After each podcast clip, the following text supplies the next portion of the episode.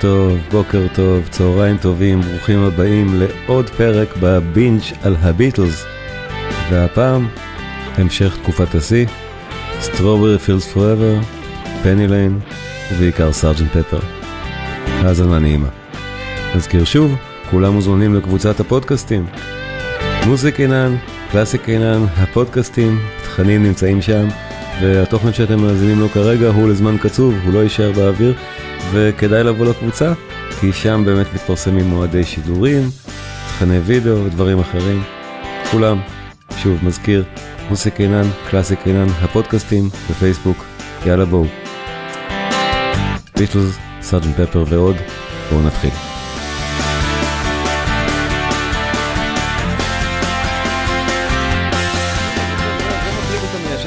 ישר לשיעור של היום, אז ברוכים הבאים. כן. כיף שבאתם, והדיון על ה... כן, הדיון על השימוש בסמים, סליחה, לוקח אותנו לביטלס ב-66. כי... ברוכים הבאים למחששה, כן? כן, בדיוק. כי, כי זה, תקופת השיא של הביטלס היא, לדעתי, שוב, ו... ויחלקו עליי, אה, זה, זה דעה קצת קשה להגיד, שלדעתי, מהפסקת ההופעות שלהם, הדרך מתחילה למטה. זה קצת מוזר להגיד, כי סארג'נט פפר עוד לפנינו, כן? אבל, אה, אבל לדעתי פה, פה, פה תחילת הסוף מסתמנת. הרעיון המאוד אומלל הזה של ג'ון, לנון, והפסקת ההופעות שבאה בעקבותיו, ועל הדרך הדיון שהיה על מה קרה בארץ, אפשר לראות פה בסרטון הזה מה קרה גם ביפן. להבין רגע איך הביטלס נראו לפרובינציה אחרת, יפן, כנראה פרובינציה מקבילה לישראל, אני, שוב, גיאופוליטית בשנת 66, תקנו אותי אתם אם אני טועה, זה מעניין לראות. The Beatles arrived in Japan today as their tour of the Far East continues. Across the Pacific in the United States, a furor is developing over comments John Lennon made. Quote, Christianity will go. It will vanish and shrink. We're more popular than Jesus. Unquote. Here in Tokyo, violence broke out when right-wing fanatics demonstrated against the Beatles and their effect on Japanese youth. This is Tommy Charles. If you, as an American teenager, are offended by statements from a group of foreign singers which strike at the very basis of our existence as God-fearing, patriotic citizens, then we urge you to take your Beatle records, pictures, and souvenirs to the pickup points about to be named And on the night of the Beatles' appearance in Memphis, August 19th, they will be destroyed in a huge public bonfire at a place to be named soon. Stay tuned to Wacky for further development. Now, this religious controversy, I know you don't want to say too much about it, but does it worry you that it's going to boil up when you get to the States? Well, it worries me, yes, but I, I hope everything will be all right in the end of the day. Well, I think I think the Beatles are a real talented group, but I think that they need to watch what they say because they're in such a position that a, a lot of teenagers really think of them as something really big, and and when they say things like that, some teenagers are going to just believe anything they say. No, but I'm not saying that we're better or greater or comparing us with Jesus Christ as a person or God as a thing or whatever it is. You know, I just said what I said and it was wrong or was taken wrong, and now it's all this did you mean that the Beatles are more popular than Christ? Uh, when I was talking about it, it was very close and intimate with this person that I know who happens to be a reporter. I was using expressions on things that I just read and derived from, about Christianity, only I was saying it in the simplest form that I know, which is the natural way I talk. What's the most enjoyable thing to you for about this adulation, this almost uh, godhood on earth that you've achieved? I'll say that.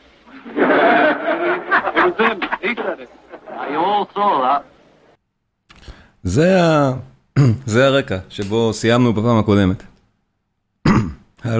עכשיו, לוח הזמנים הראה לנו את הדבר הזה, שהביטלס בדיוק כאן הפסיקו להופיע, ב-66, ברבולבר. סארג'נט פפר מוקלט מיד אחר כך. זאת אומרת, הם מפסיקים להופיע. באוגוסט 66 יוצא רבולבר, ואוגוסט 66 זה הטור, סוף הטור האחרון של הביטלס. מעכשיו הם להקה שעובדת רק באולפן. ומה עושה להקה רק באולפן? אז קודם כל, הם, הם מתחילים להקליט לא את סארג'נט פפר. האלבום המפורסם סארג'נט פפר, הוא בעצם מתחיל, הפרויקט הזה, משני שירים אחרים בכלל. והוא מתחיל מהסקיצה הזאת. איזה שיר זה?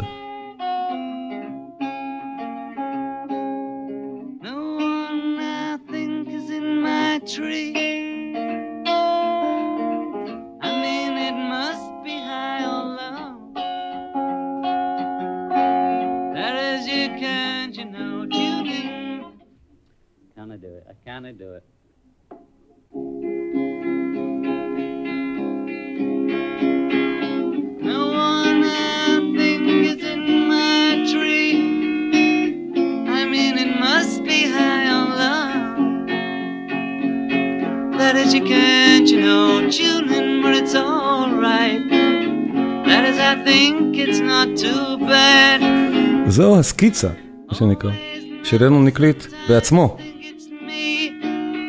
מה שנקרא דמו. ואז שמעו אותו, ג'ורג' מרטין שר הלהקה. אנחנו יודעים איזה שיר זה. מרתק.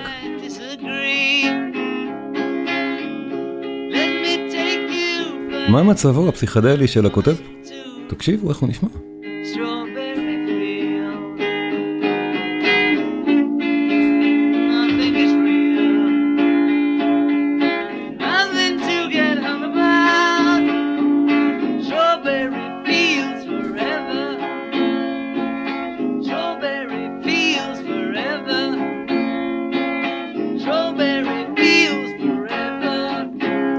מסמך נהדר, ובכלל, נפלא לראות את דרכי היצירה של אומן, כן?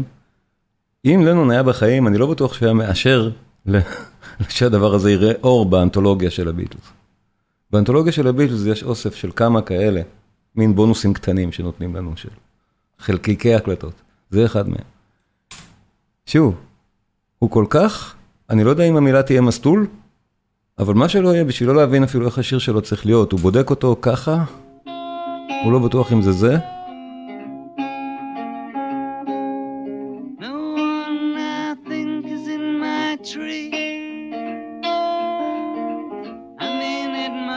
עכשיו, כאן,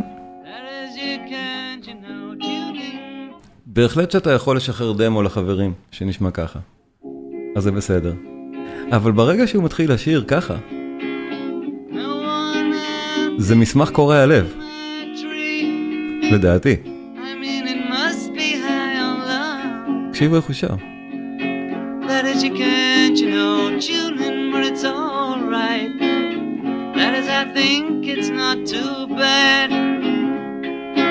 עד היללות האלה ששמענו בסוף. אבל זה מגיע לחברי הלהקה, זה מגיע לג'ורג' מרטין ולמקארטני. הריסון גם, לדעתי בשלב הזה יחד עם לנון קצת, נשמע תכף מה הוא עושה. אה, ואז הסקיצה שהאולפנית הראשונה, שאותה שחררו לנו לפני כמה שנים, סוף סוף ביובל החמישים לסארג'נט פפר. זה יצא לפני ארבע שנים. אנחנו שומעים את הסקיצה הראשונה, הדמו הראשון, שוב, הפעם הראשונה, הטייק הראשון, סליחה, טייק ראשון של השיר הזה, כבר מסודר הרבה הרבה יותר טוב. Take one. Living eyes closed, misunderstanding all you see. זה כבר נשמע יותר דומה. It's getting hard to be someone, but it all works out. It doesn't matter much to me. No one I think is in my tree. I mean, it must be high or low. איזה יצירת מופת השיר הזה. That is, you can't, you know, tune in, but it's alright. That is, I think it's not too bad. Let me take you down, cause I'm going to strawberry fields. Nothing is real, and nothing to get hung about strawberry forever.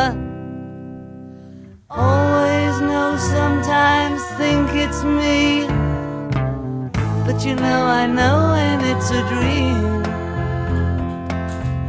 I think I know, I mean, uh, yes, but it's all wrong That is, I think I disagree קולות הרקע האלה לא היו במקור, לא היו בגרסה, לא נותרו בגרסה שאותה אנחנו מכירים. מרתק לשמוע את זה ככה. עכשיו, בגרסת יובל החמישים הזו של סארג'נט פפר, בספוטיפיי, אפשר להאזין לכמה גרסאות כאלה של השיר, לפני שהוא קיבל את צביוני הסופי המאוד מפורסם היום, עם התרגיל האולפני הידוע שנעשה בו. אני תכף אעבור על זה.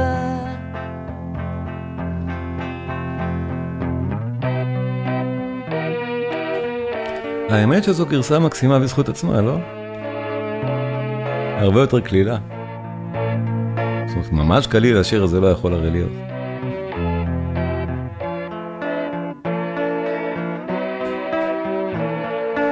אבל הביטלס מפסיקים להופיע והשירים שלהם משתנים מן הקצה אל הקצה. אנחנו זוכרים באיזה עולם היינו בשבוע שעבר. מה עושה להקה שלא מופיעה? היא יצירתית באולפן כל הזמן, וזה כנראה שנהדר. ומה שבסוף יצא מהשיר הזה, אחד מהשירים הכי ידועים בהיסטוריה, והטקסט של לנון שאומר המון. זאת אומרת, אם אנחנו בוחנים את הטקסט של סטורי פילס פוראבר, שזה גם הלואיס קרוליות הזאת של משהו, טקסט שהוא לא ממש מובן. הדרך הקלה ביותר לנתח אותו, זה, זה לומר עליו שהוא... רגע, נעשה שיראו. רואים טוב או שלהגדיל? תעשו לי עם הראשים. אני אנסה לשתף מסך אולי בזום, תגידו לי אם זה עדיף. לא, אני אנסה להגדיל, אוקיי. רואים? יופי. אז uh, הטקסט הזה הוא טקסט, אוקיי, הנה, עוד יותר גדול. הוא טקסט כמעט לואיס קרולי, שוב, אנחנו לא ממש יכולים להבין אותו בכלל. הדרך הקלה אני אנסה רגע, אתם יודעים מה, בואו, הרעיון של, של גדעון מהפעם הקודמת, תגידו לי אם עכשיו זה יותר טוב, קבלו את המסך הראשי שלי, כולל כמה ענייני מוזיקה, ותגידו לי אם רואים את זה יותר טוב. יופי, יופי, אז עכשיו אנחנו נוכל באמת לראות טקסט כמו, כמו שצריך. נהדר, ותודה על הסבלנות ועל העזרה. אז בכל מקרה, כן, הטקסט הזה, אה, אנחנו יכולים כבר לראות, לא סתם מנתחים אותו בספרות אנגלית, נגיד ככה, באמת, זה, זה אחד מהטקסטים האלו. שקל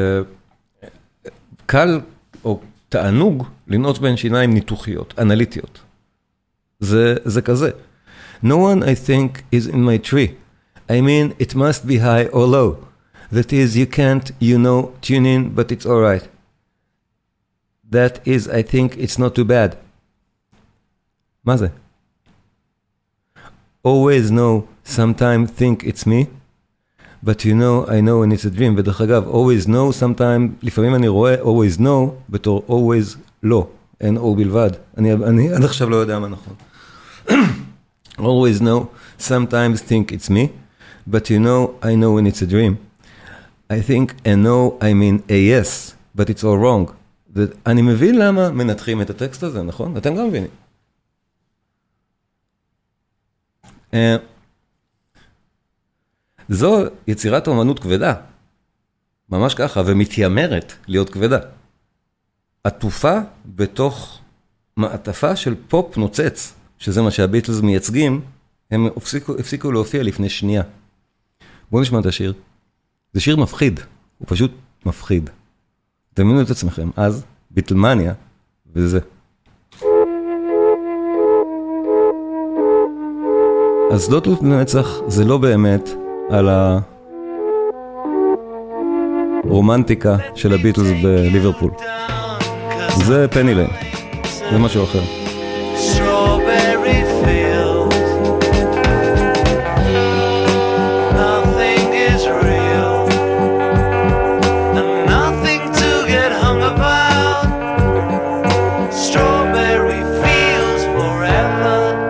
תקשיבו כמה הקול של לנון נמוך באופן מוזר.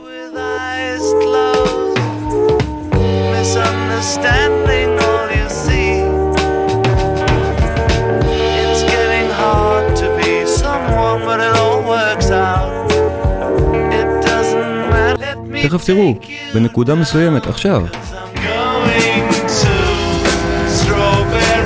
נמוך, הכוונה, עוד יותר נמוך. זה היה גבוה.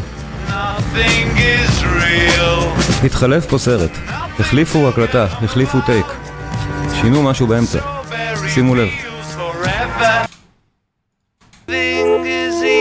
זה אחד, הקלטה מתאריך אחד.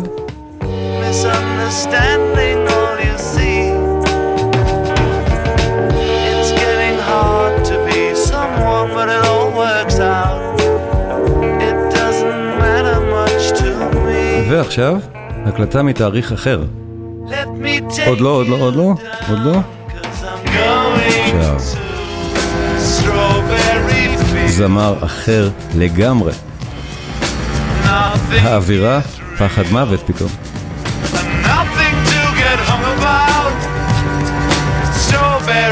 מה שעשו כאן, זה שלקחו את לנון על סרט הקלטה. אפשר אמרנו להאיץ ולהאיץ סרט מעט. יום אחד הוא שר טיפה יותר גבוה, ויום אחד טיפה יותר נמוך. התאימו מהירויות של סרטי הקלטה, וגרמו לשיר להיות כולו במין סולם שאי אפשר לנגן עליו בכלל בפסנתר. זה אמור להיות במי. בוא ננסה לנגן את זה במי. לא, פשוט אי אפשר. השיר הזה הוא עד כדי כך מוזר, שבכוונה אי אפשר לנגן עליו.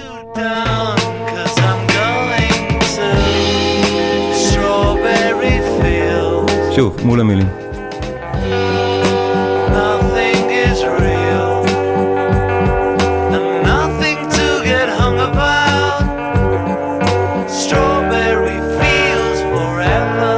אז כן, קודם התבלבלתי, ברור, משהו גבוה בשירה שלו יחסית לאחר כך, אבל הנקודה החשובה היא החיתוך האולפני הגס, שג'ורג' מרטין אמר אחר כך שהוא לא מבין איך לא עלו על זה. איך אף אחד לא הבין שעשו פה כזה תרגיל? ששומעים שזה שני זמרים שונים.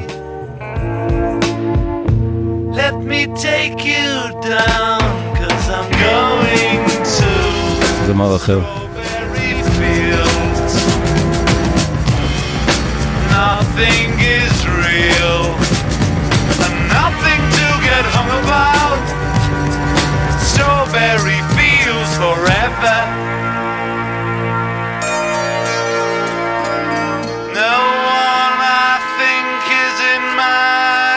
זה מילים שאני פשוט לא מבין. זרם תודעה. That is you can't, you know, tune in, but it's alright. That is, I think it's not too bad. Let me take you down, cause I'm going to Strawberry Fields. Nothing is real and Nothing to get hung about. Strawberry fields forever.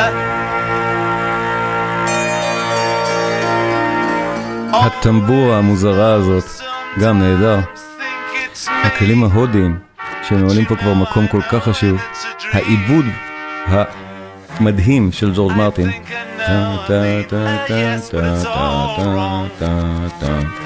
כל זה מייצר אווירה כל כך מעניינת, שאף אחד לא שמע שום דבר דומה לזה, או קרוב לזה אפילו, עד אותה נקודה בזמן.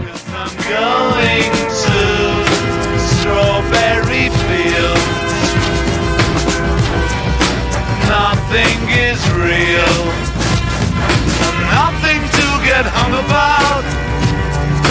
Strawberry fields forever. Strawberry fields forever. Strawberry fields forever. מה שקורה עכשיו, הסיום הזה של השיר, שימו לב, השיר כאילו נגמר. ואז הוא ממשיך. בואו נראה איך זה נשמע. מוזר כל כך.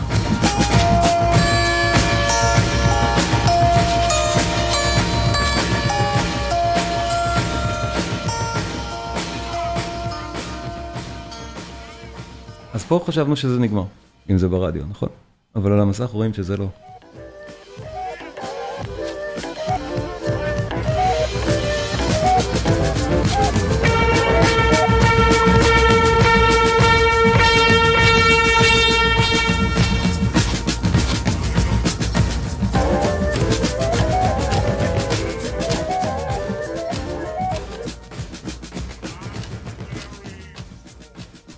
והרמז הכי מפורסם על מותו של מקארטני, דיברנו עליו כבר.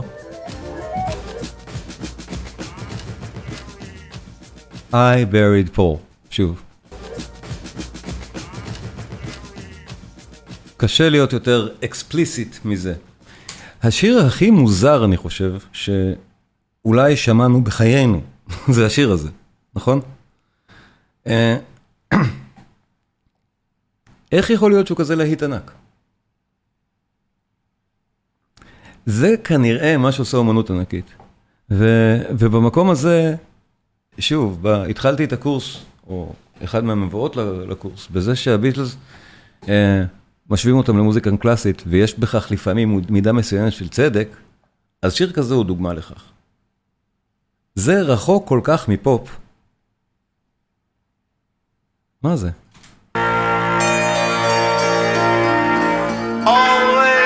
זה פופ? החצוצרות האלה של ברוקנר ביום רע?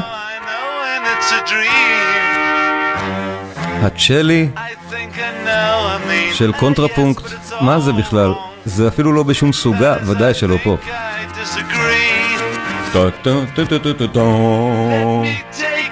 איפה אנחנו בכלל?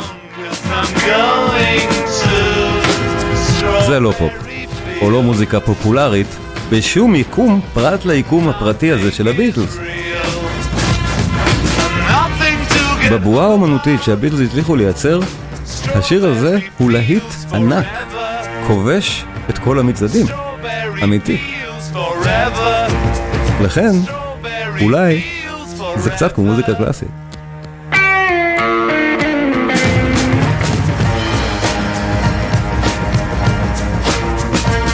זה כבר שוסטקוביץ' בכלל, אפילו לא בטהובן.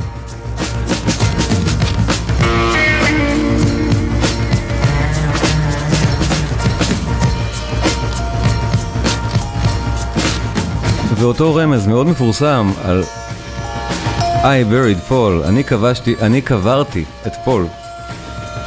כשבעטיפה, בעטיפה של האלבום, Sgt. Pepper, וזה האלבום שאנחנו כבר מדברים עליו, אה, שההקלטות האלה נעשו בעצם כחלק מההקלטות עבורו.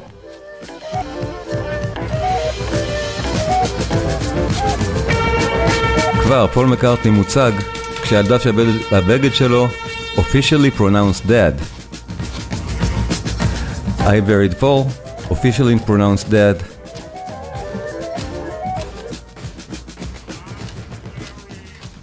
ופול עם גבו אלינו על העטיפה. לנון כבר משחק את המשחק מדיה שלו פה נהדר מול התקשורת עם האגדה האורבנית על מותו של מקארטני. זה ברקע של כל הסיפור הזה. השיר עצמו, לא מספיק שהוא נפלא, אז באותן דקות, כי הביטלס ממש הפסיקו להופיע חופשה וחזרו להקליט באותו חודש בדיוק. הצד השני של אותו סינגל, אלמותי, אחד הסינגל שנחשב עד היום הסינגל הכי טוב בהיסטוריה של המוזיקה בערך, כי הוא double A side. אז הצד ה-A השני שלו, הרעיון שלו באמת בא ממוזיקה קלאסית. מקארטני לא ידע איך להשלים את העיבוד, ובואו נהנה לרגע. ראה ב-BBC את מייסון מנגן את זה.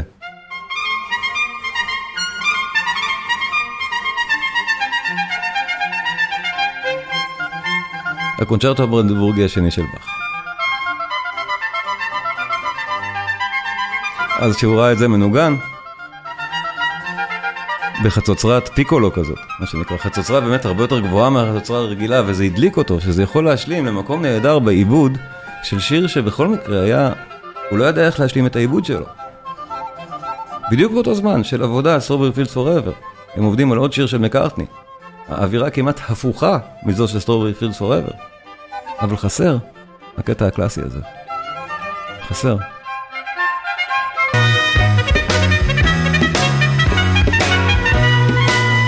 אז מביאים את החצוצרן מה-BBC לחצרץ את זה. זה לא באך, זה פסטיש על באך. כל כך יפה. שלושה, פלס, שלושה פסנתרים מוקלטים כאן, כנראה, יכול להיות שיותר. מקארטני היה כל כך גיק של הקלטה, שהשיר הזה התחיל כנראה כניסיון בטכנולוגיית הקלטה. אבל מה זה משנה? זה הצד השני של Strawberry Fields Forever. נראה את המילים.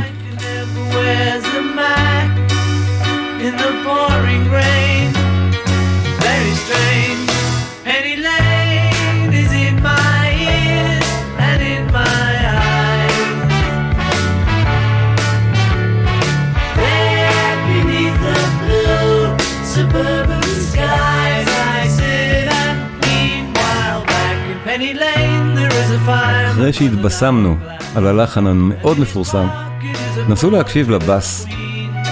מקארטני פה הוא גם בשיאו כנגן בס. הוא מנגן פה קונטרפונקט באך נהדר. לא סתם הוא חיפש את הדבר הזה שיספיק לו לעיבוד פה.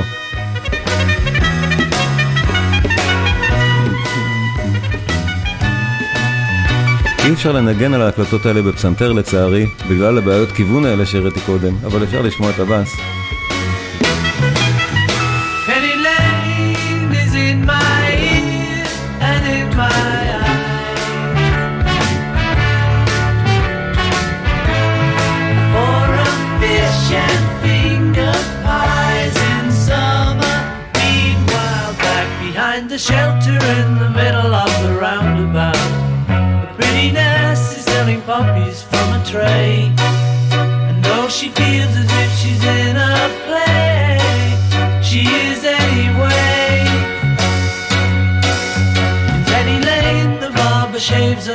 Customer.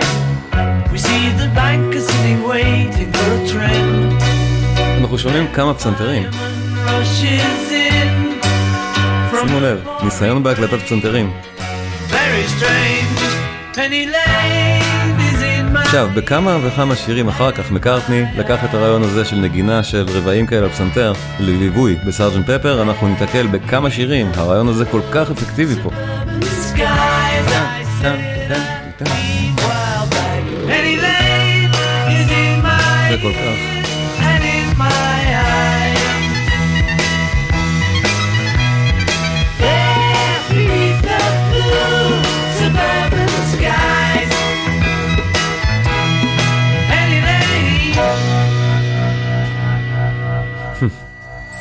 אוקיי, שאלו, אז מי הגאון כאן, הביטלס או ג'ורג' מרטין?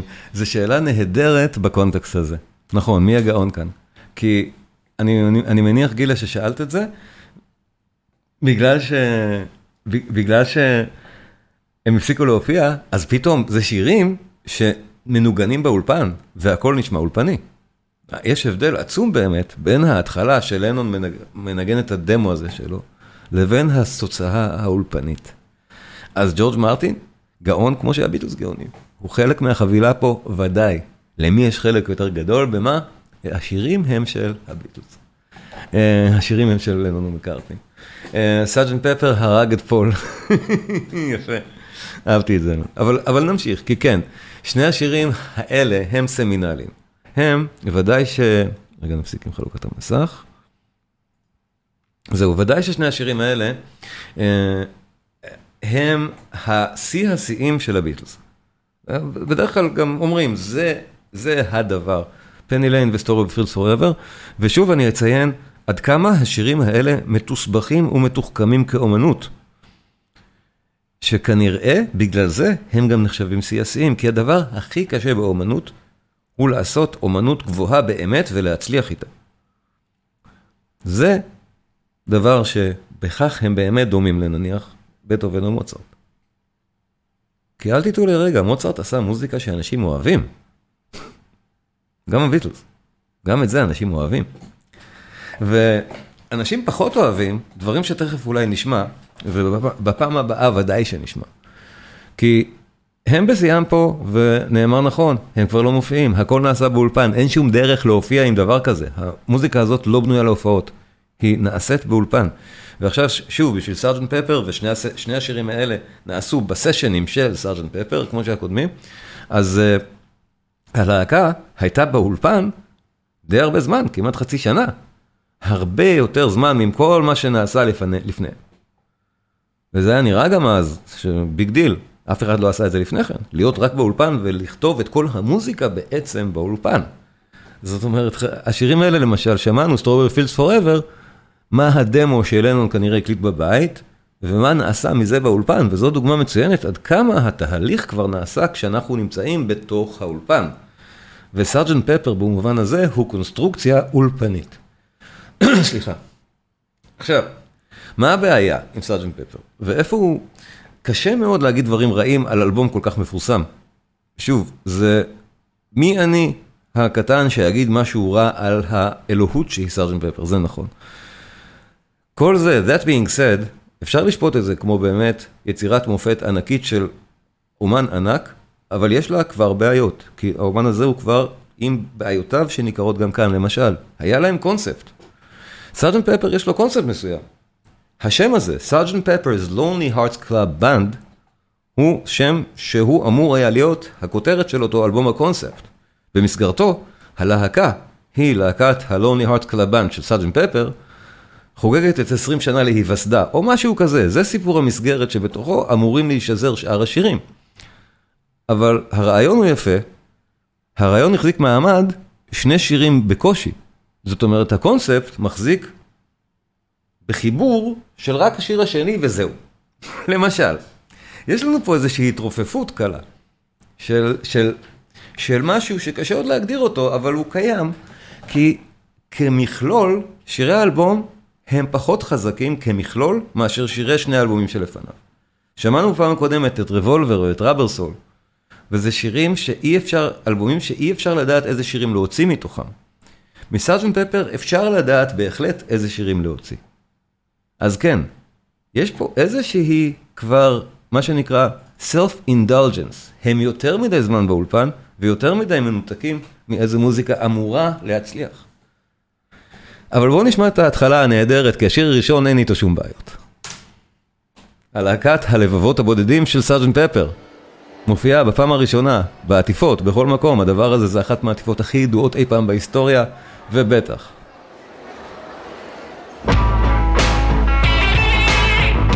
המילים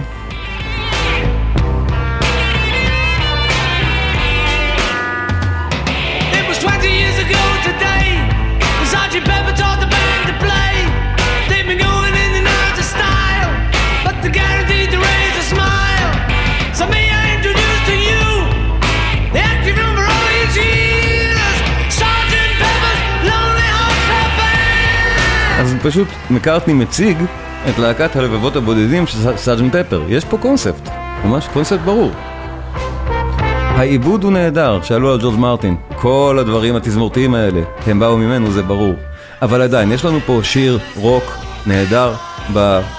למטה. שיר רוק מצוין של מקארטני. גיטרות, הן בולטות. כל ההפקה האולפנית לא מכסה פה את הגיטרות, עוד מעט זה יכסה.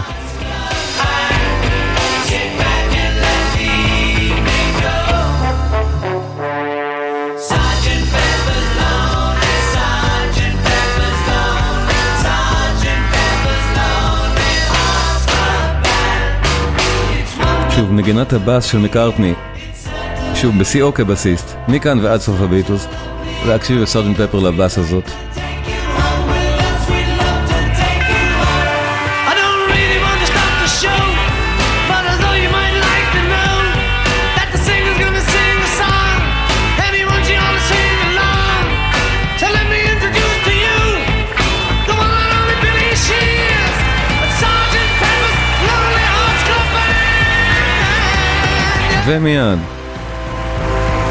זה הקונספט מחזיק. השיר של רינגו הוא בילי שירס. שימו לב. מה שאומרים לנו פה בעצם, let me introduce to you, תנו לי להציג בפניכם את האחד והיחיד בילי שירס. מי זה בילי שירס? ואז מציגים אותו. הם שרים בילי שירס וככה עוברים מאוד יפה בין סולמות, אבל בלי קשר מציגים את רינגו בתור בילי שירס. יש לנו פה ממש קונספט. התחלה של בנייה, להקת הלבבות הבודדים של סארדן פפר, שבילי שירס הוא חבר הלהקה שהולך לשיר את השיר האלמותי הבא.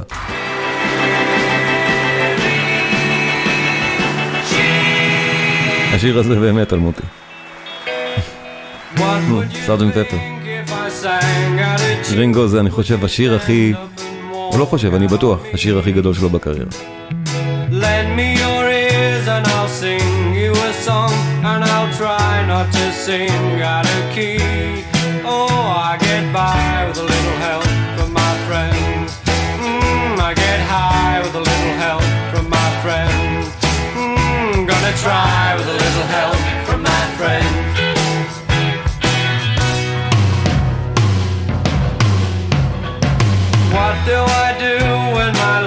שימו לב למה שהם עונים לו. זה כתוב כל כך חמוד, הם צוחקים עליו קצת, נכון? הוא כזה תמים חמודי. יש לרינגו תפקיד נהדר בלהקה.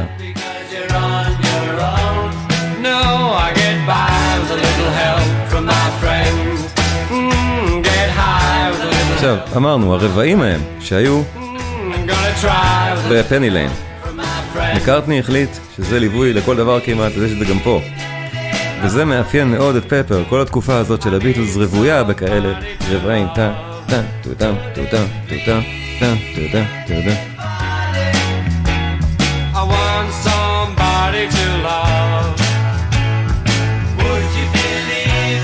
עכשיו התחלפו.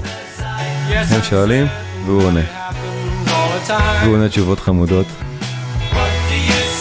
מה אתה רואה כשהם מכבים את האור? אני לא יכול להגיד לך, אבל אני יודע שזה שלי. חמוד. טקסט של דנו מקארטני, כל השיר הזה של שניהם, די בטוח.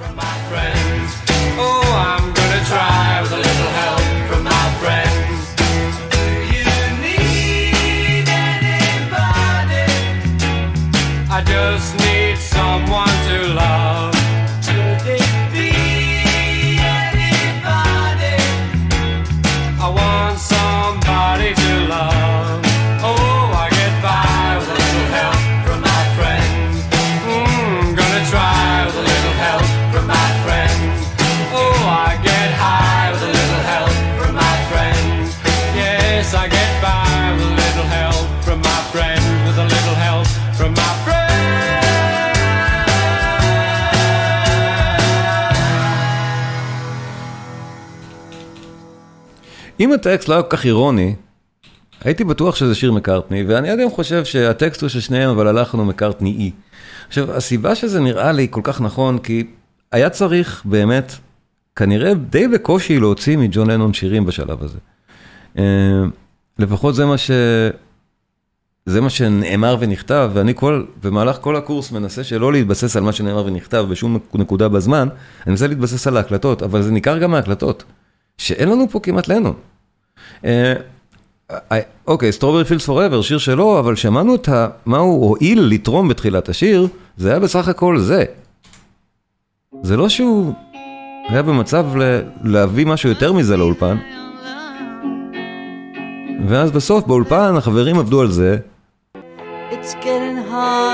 ובסוף זה נהיה שיר. מכאן אנחנו לא שומעים ממנו יותר מדי שירים, וכנראה שהחברים די, דחצו, די לחצו עלינו, תביא שירים לאלבום הזה. בעיקר מקארטני לחץ עליו. תוצאות מרשימות מאוד יש, אבל שוב, יש לזכור, הדבר שאולי הכי מאפיין את השיר הזה, זה. זה מקארטני מנגן.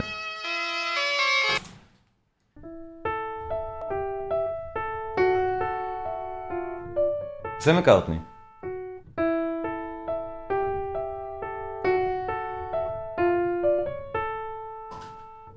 זה פשוט מאוד לא מכוון, צר לי. אבל uh, האי כיוון הוא בא מהקלטות. אז אפילו זה, מקארטני מסייע איכשהו לשיר לקרות. ואיזה שיר זה. דיברנו קודם, הבילס חינוכיים או לא? צריך כדי להתאמץ פה לשכנע אותי שהם לא מזיקים. לא יודע. בואו נגדיר נזק, אני חולק מסך שוב.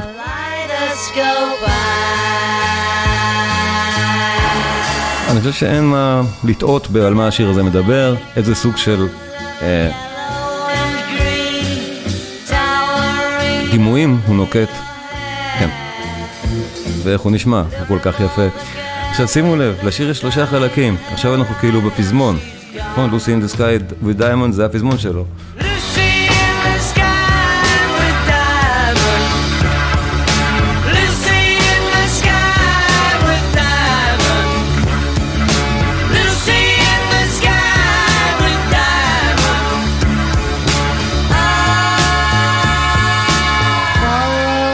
בית שני מתחיל נהדר, עוד פעם עם imagery נפלא של זרם תודעה לנוני, טקסט שאפשר ללמוד אותו.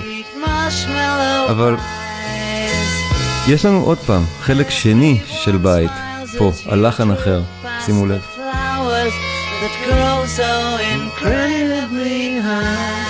עכשיו זה בא, החלק השני של הבית.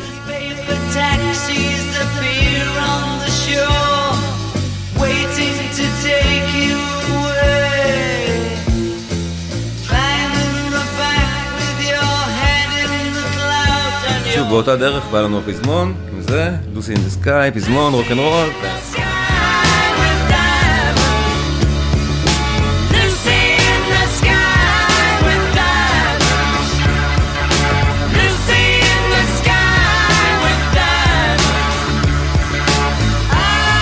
שימו לב שכאן יש לנו קצת פחות מילים בגלל ששרים לנו רק את החצי הראשון של הבית, מדלגים על השני, וקשה לו, לא מרגישים את זה.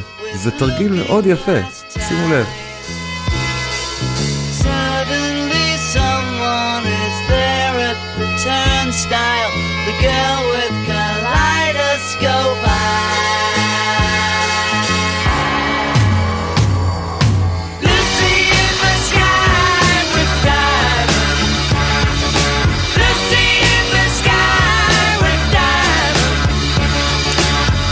כבר בשיר כזה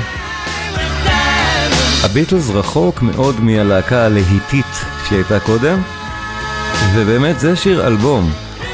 Uh, השיר הבא, Getting Better, הוא עוד יותר כזה.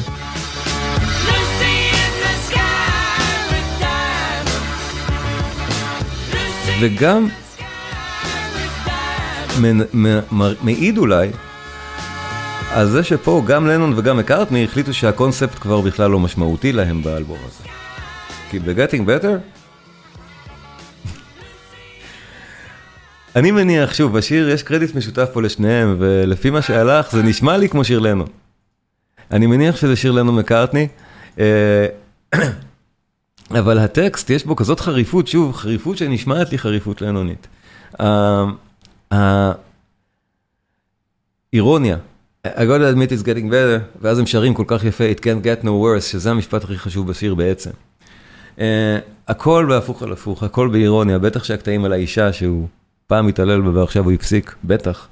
אה, כל, כל זה, זה טקסט לנוני נהדר, לא לואיס קרולי בכלל, אלא בפרצוף, וככותבי טקסטים, הביטלס פה התבגרו הרי בלי הכר האגם. עוד דבר שקרה נפלא, ברגע שהפסיקו להופיע ויכלו לעשות רק עבודות אולפן. עכשיו, אה, שימו לב לפסנתר המאוד מוזר, המצלול המשונה הזה, מה מנגן את זה באמת? It's getting better all the time שוב, להקה יכולה לעשות צלילים כאלה רק באולפן, או היום אנחנו עושים את זה עם סינתסייזרים וכלי הפקה מודרניים. מה זה? אוקיי, okay, מסתבר, וזה אני באמת לא יכולתי לדעת לבד, אלא אי אפשר להאיץ סרט הקלטה ולמצוא את זה. מסתבר שזה פסנתר, כנף, שמקישים לו על הכנפיים, על, על המיתרים אחרי שהכנף פתוחה. אה, אז אז פול ורינגו כנראה זחלו והקישו עם מקלות של תופים על המיתרים של הפסנתר, וביחד עם גיטרה, ביחד זה מצלצל ככה. זה רק אומר עד כמה עבודת האולפן הייתה חשובה ליצירת האלבום, ועד כמה, שוב, זה קשור רק לעובדה שהלהקה לא מופיעה, כי אין איך לבצע את הדברים האלה בהופעה בשום דרך אה, של התקופה לפחות. ודאי שאחר כך כבר ניתן. אחלה שיר בעיניי, שוב, מהפחות מוכרים, סאג'נט פפר, אלבום נהדר. השיר הזה מהפחות מוכרים ועדיין, בואו נשמע, טקסט נפלא.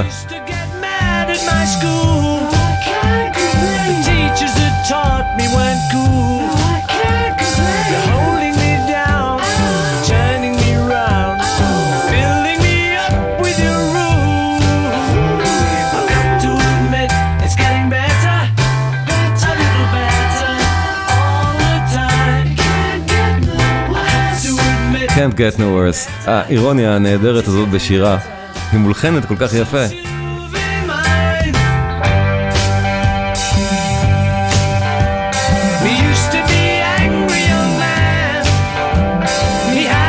העגה הליברפולית me hiding. אז פעם אני הייתי angry young man. זה טקסט של לנון, שהוא מגחך לעצמו כשהוא שר את זה. Can't get no worse. It's getting better. It's getting better. Since you've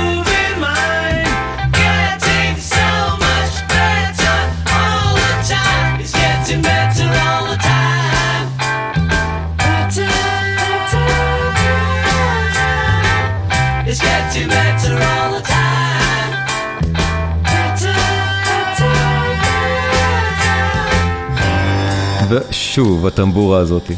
הכלי ההודי, שיש כל כך הרבה קטעים פה שהאריסון מנגן עליו, יותר מהסיטר, על הטמבור, על הדברים הנמוכים האלה. The story feels forever, כאן, בלוסי, סקאי, זה עוטף את האלבום.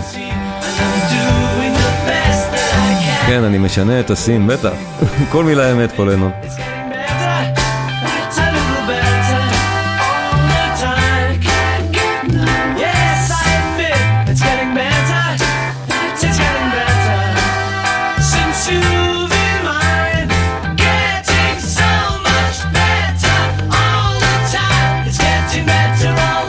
השיר הבא, גם מהשירים הידועים של הביטלס ומהשנויים במחלוקת של הביטלס. ובשביל זה אני מפסיק חלוקת מסך לרגע, כי אני רוצה לראות אתכם. שנייה. כן. מה דעתכם על השיר הזה? אה.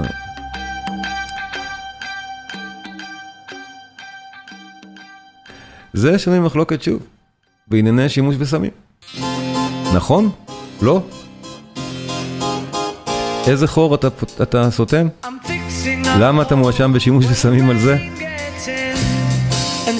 הדברים האלה לפעמים יוצאים מהקשרם. שיר של הביטלס שאינני יודע אם אתם מכירים, תעננו לי. מכירים אותו? כי זהו, הרבה מכם לא. זו כנראה אחת החולשות בסארג'נט פפר. באלבומים הקודמים, כל השירים היו מוכרים, או כמעט כולם, או לפחות בשניים הקודמים. מוכרים לכולם. סארג'נט פפר, יש בו פחות שירים כאלה. הלהקה הולכת יותר לעומק ופחות לרוחב.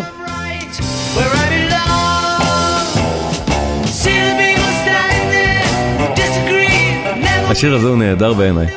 בלי קשר, זה שיר, שיר מקארטני, שוב מקארטני לבד לגמרי, שאני מאוד אוהב.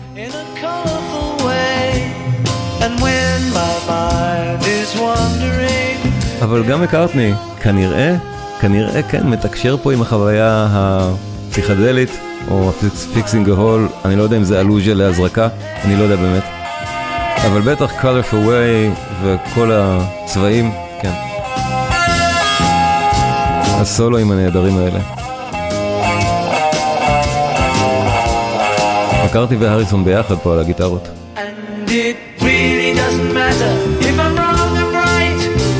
הרמוניה, נפלא, פשוט שיר נפלא של הביטלס.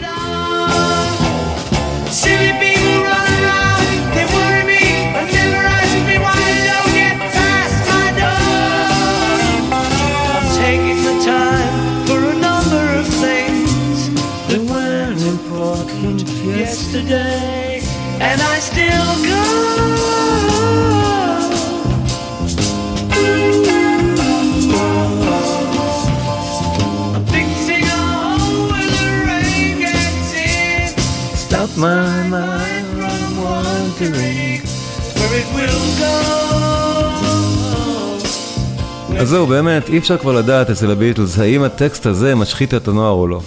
האם, למה הם מתכוונים. אבל כשהכל כבר כל כך אפוף פסיכדליה,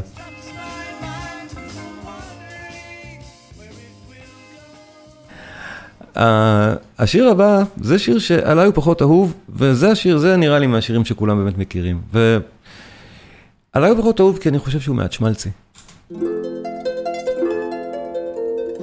אני מדבר על השירים פשוט מקוצר זמן, אני רוצה להספיק להשמיע.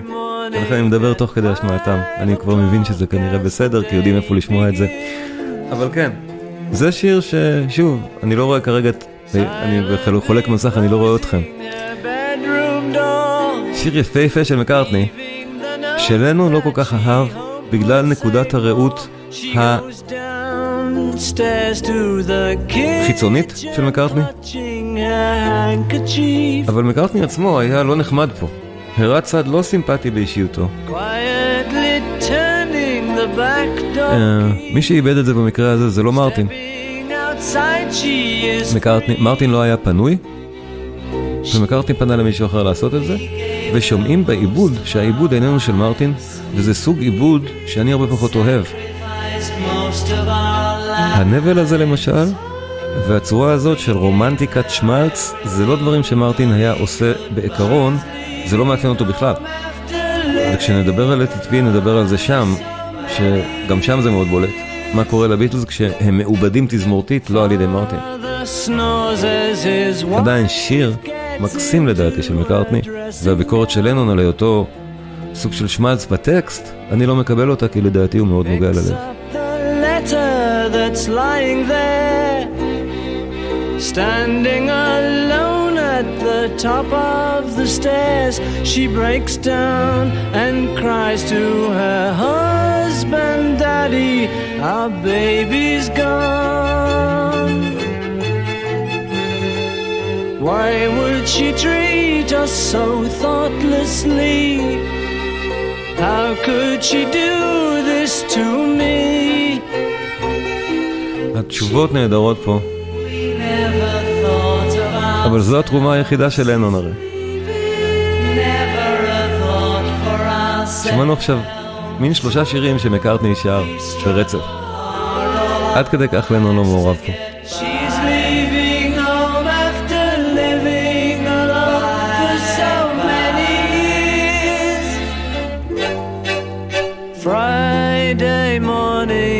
Nine o'clock, she is far away. Waiting to keep the appointment she made, meeting a man כן, זה... הטקסט, המילים והלחן, זה מעורר, זה שיר מאוד מאוד יפה. מהיפים של מקארטני, ובטח שאחד מהמסמרים של האלבום.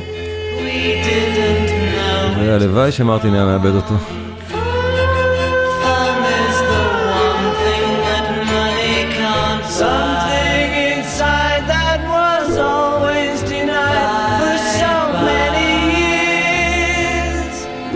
אבל לנון, הייתה לו ביקורת על שירי מקארטי מהסוג הזה, וודאי שספציפית על זה. זו אחת הבעיות הגדולות ביניהם. לנון לא אהב את זה. הוא כמעט סרקסטי שהוא שר bye bye. לנון עונה פה bye bye בסוף.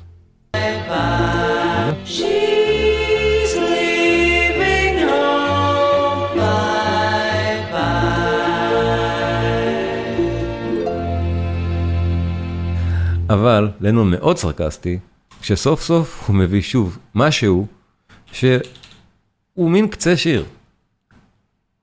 לנון כותב כרזה של קרקס, זאת אומרת מעתיק את, מעתיק את המילים של כרזה של קרקס.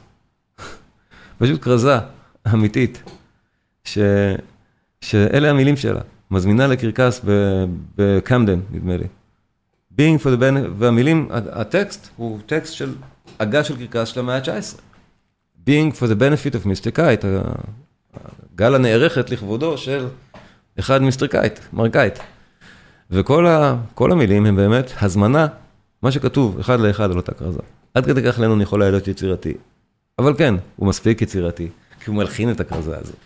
פשוט מלחין אותה. הרעיון הזה הוא כל כך חתרני בפני עצמו הרי. להלחין באופן פסיכדלי, כרזה של קרקס מהמאה ה-19, ולעשות מזה שוב את אחד השירים הכי מוזרים, הזויים, ובסופו של דבר אלמותיים, בגלל תרומתם הענקית של שאר חברי הלהקה פה ושל ג'ורג' מרטין לעיבוד המופרע לגמרי הזה, של הסחרחורת רפאים ושלושה רבעים.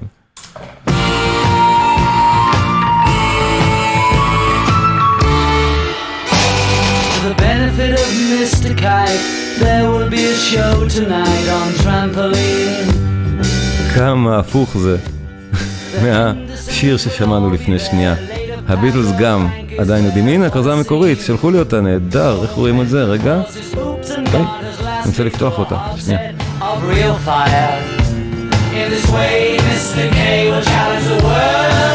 לא יודע איך פותחים את זה, תודה. לחצתי, לא נפתח. רק שומר, רק שומר. או הנה. הנה הכרזה המקורית. אה, אבל אני רוצה שיראו את הטקסט. אה, כן, זה לא, אי אפשר לקרוא את זה. מצאתי את זה, רגע. סליחה, כן, אבל... תודה, אבל אני רוצה... זהו, נראה את זה אחרי זה. תודה רבה, גדעון.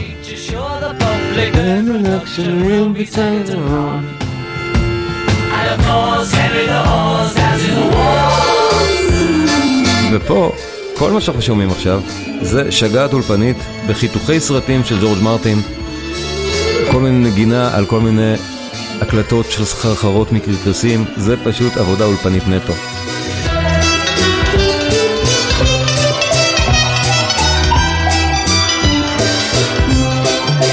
אין סיכוי להעלות את זה על במה. עד היום.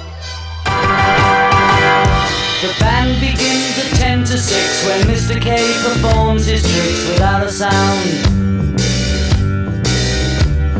And Mr. H will demonstrate 10 Somersets he'll undertake on solid ground.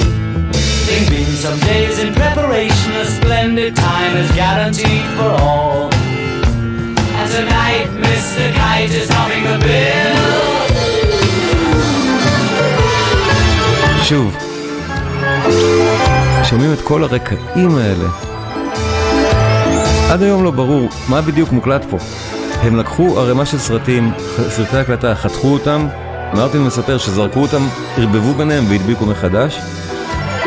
זה סיפור שהוא טוב כמו כל סיפור אחר. הסאונד הזה, נהדר.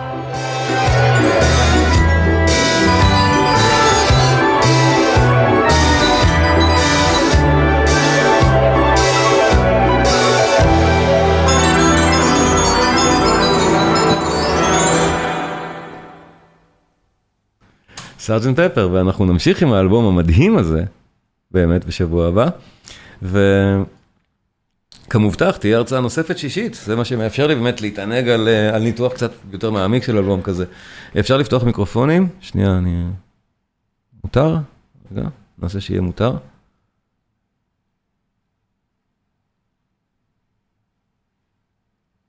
אוקיי, עכשיו מותר לכם אה, לפתוח מיקרופונים ו... אה, כן.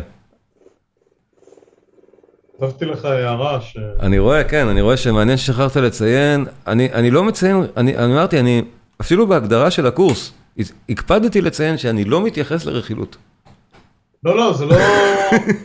תראה, אתה יודע מה, הוא, ביוג... הוא היה ביוגרף אחד הגדולים שלהם. זה לא משנה, אני שומע, אני יודע, ש, אני יודע שמקארטני בריאיון איתו אמר שלקח טריפים. אני לא חושב שהאלבום יתאפשר כי מקארטני לקח טריפים, אני פשוט לא מאמין שזה נכון. אני לא אמרתי את זה, אבל אני כן אומר ש... אוקיי, אז למה להיכנס לזה בכלל? בדיוק. להגיד שה-fixing a hole in a roof קשור לסמים, תשמע, זה תלוש. אז גדעון, זה אתה אומר, סבבה. אין ויכוח. גדעון. זה שיר, זה שיר שבלי אה. קשר לראשי תיבות, אתה... אז מה היה אתה תלוש? רואה אותו, אתה רואה שאנשים רואים בסגול. אז רגע, אז מה היה תלוש? אה, שנייה. I'm fixing a hole in the roof. אה, לא אני אומר שזה קשור. הרבה אנשים, הרי אסרו נו, להשמיע אותו ב-BBC בדיוק. אני, נכון, לכן אמרתי שזה שנוי במחלוקת, תלוש. אמרתי, אמרתי שזה מוזר. כן, נכון, זה משונה, הרי אני מציג את זה ככה, זה דברים מוזרים, אבל מה שנאמר פה לפני שהתחלנו את השיחה, זה היה שאז באמת נזכרו שבזמנו גולדה אסרה, או לא גולדה, נאמר שמישהו אחר מזה, השריד, לא, אבא של השריד. ואני אומר, ברק, על הרקע הזה, שאם הכל הוא כאילו סמים, אז אני יכול להבין שאולי גולדה לא רוצה שזה יהיה פה, נגיד ככה, לא שאני בעצמי שמרן, אבל... אבל שלא הביאו אותם, אולי הם היו מסטולים, היה פחות מלחמות. לא, אבל אם חשבו שזה מה שיקלקל את הנוער מבחינת סמים, יש לזה, בוא נגיד, רגליים. אי אפשר להיות כל הזמן דווקא, אז בוא נודה, כן, הם התעסקו בתכנים האלה. אם מחליטים שזה תוכן מסוכן, אז כן, אז לא צריך להביא אותם. אם, אם, אם התוכן הזה לא מסוכן, אהלן וסהלן. אי אפשר להתחיל להאשים את גולדה בשמרנות, בזמן שאנחנו חושבים שאין מה להטיף לשימוש בסמים. זה, זה, הם מטיפים יש לזה. לי שאלה כן, אחרת. אבל שהיא כן. קשורה מאוד לאלבום הזה, ואתה לא חייב להתייחס אליה עכשיו, יכול להיות שאתה רוצה לחשוב על פעם קודמת. כן. יחסית לאלבומים אחרים, לא רק של הביטלס, אני תמיד כאדם, בעיקר אחד שחונך על מוזיקה קלאסית, מסתכל על אלבום כיצירה שלמה, קשה לי מאוד גם עם כל המושג של shuffle, לשמוע שיר כזה, אני שומע את כל האלבום, גם אלבומים של רוק כבד, כן. מההתחלה ועד הסוף. מהמם. סארג'נט פפרס, כמה שהוא אלבום מופתי, ואין ויכוח שיש שם יצירות אומנות, ושכנראה שדיין אלייב זה ה- התשיעית של שנייה, נו, זהו. הגעתי לחצי היום, הגעתי לסוף צידו לא, הראשון. כן, מה. שאני שואל, לכן אני אומר, זו שאלה לפעם הבאה כנראה. Mm. יש שם שירים שאני פשוט לא, לא מסוגל לשמוע. לא התחברתי מעולם, וזה כאילו נותן לאלבום איזה גל סינוס כזה, אתה יודע, כאילו יצירות מופת לעומת איזה משהו, כל פעם שאני שומע את האלבום, דחפו שם איזה שנייה, שיר גדעון, שנייה, בסדר. אתם מסכימים? אני רואה... אני- אוקיי, לא, מעניין מה חושבים על זה. כי אה, קודם כל, לאבלי ריטה למשל, אתה לא היחיד שאומר את זה. יש יש שם כמה שירים באמת, ו- ו- בשלום, אבל- לא, ובוודאי שהשיר של הריסון, Within and Without You, עושה בעיות להרבה מאוד אנשים להאזנה כיפית. בוא נודה. אה, בלי קשר להיותו יצירת מופת או לא, זה באמת חלק של... לא, הוא- שלא הוא, אוהב... הוא קשה להאזנה למי שלא אוהב את הז'אנר, ולא כולם חייבים לאהוב את הז'אנר. בוא נודה, הוא לא קשור לז'אנר של שאר האלבום, ואם אתה רוצה לקנות אלבום של מוזיקה קלאסית, אתה לא רוצה שפתאום יהיו לך תופים של רוקנרול באמצע. אותו דבר, אתה קונה אלבום פופ מערבי, אתה לא רוצה דווקא לשמוע מוזיקה ציטר באמצע של שבע דקות, נכון. אז אתה מדבר על זה? למשל? לא, זה לא לא מפריע לי. אוקיי, אז מה כן? תראה, אפילו, אה, הדוגמה שלי לדוגמה, כשאני מסתכל על ה- על? השירים, אה, פתאום אה, I fixing a hole in the roof, ואפילו השיר השלישי, בתק- אה, לא, השלישי זה... In the Lucy Sky. הרביעי, אה, It's getting better. Getting better. כאילו לא קשור להליך היצירה, ככה אני מרגיש, שוב, זה דבר מאוד אינדיבידואלי. סבבה, זה, זה אלבום באמת, אמרתי, הלהקה פה לדעתי מתחילה בדרך שלה למטה. ולכן התחלתי את ההרצ- את ההרצאה באמירה הלא פופולרית הזאת. זה בדיוק התחושה שלדעתי האלבום הזה בסופו של יום נותן. שהוא נפלא, כמה שנפלא שהוא לא יהיה, הוא חלש יותר משני הבאים לפניו. שני, לא יודע ככה אומרים את זה.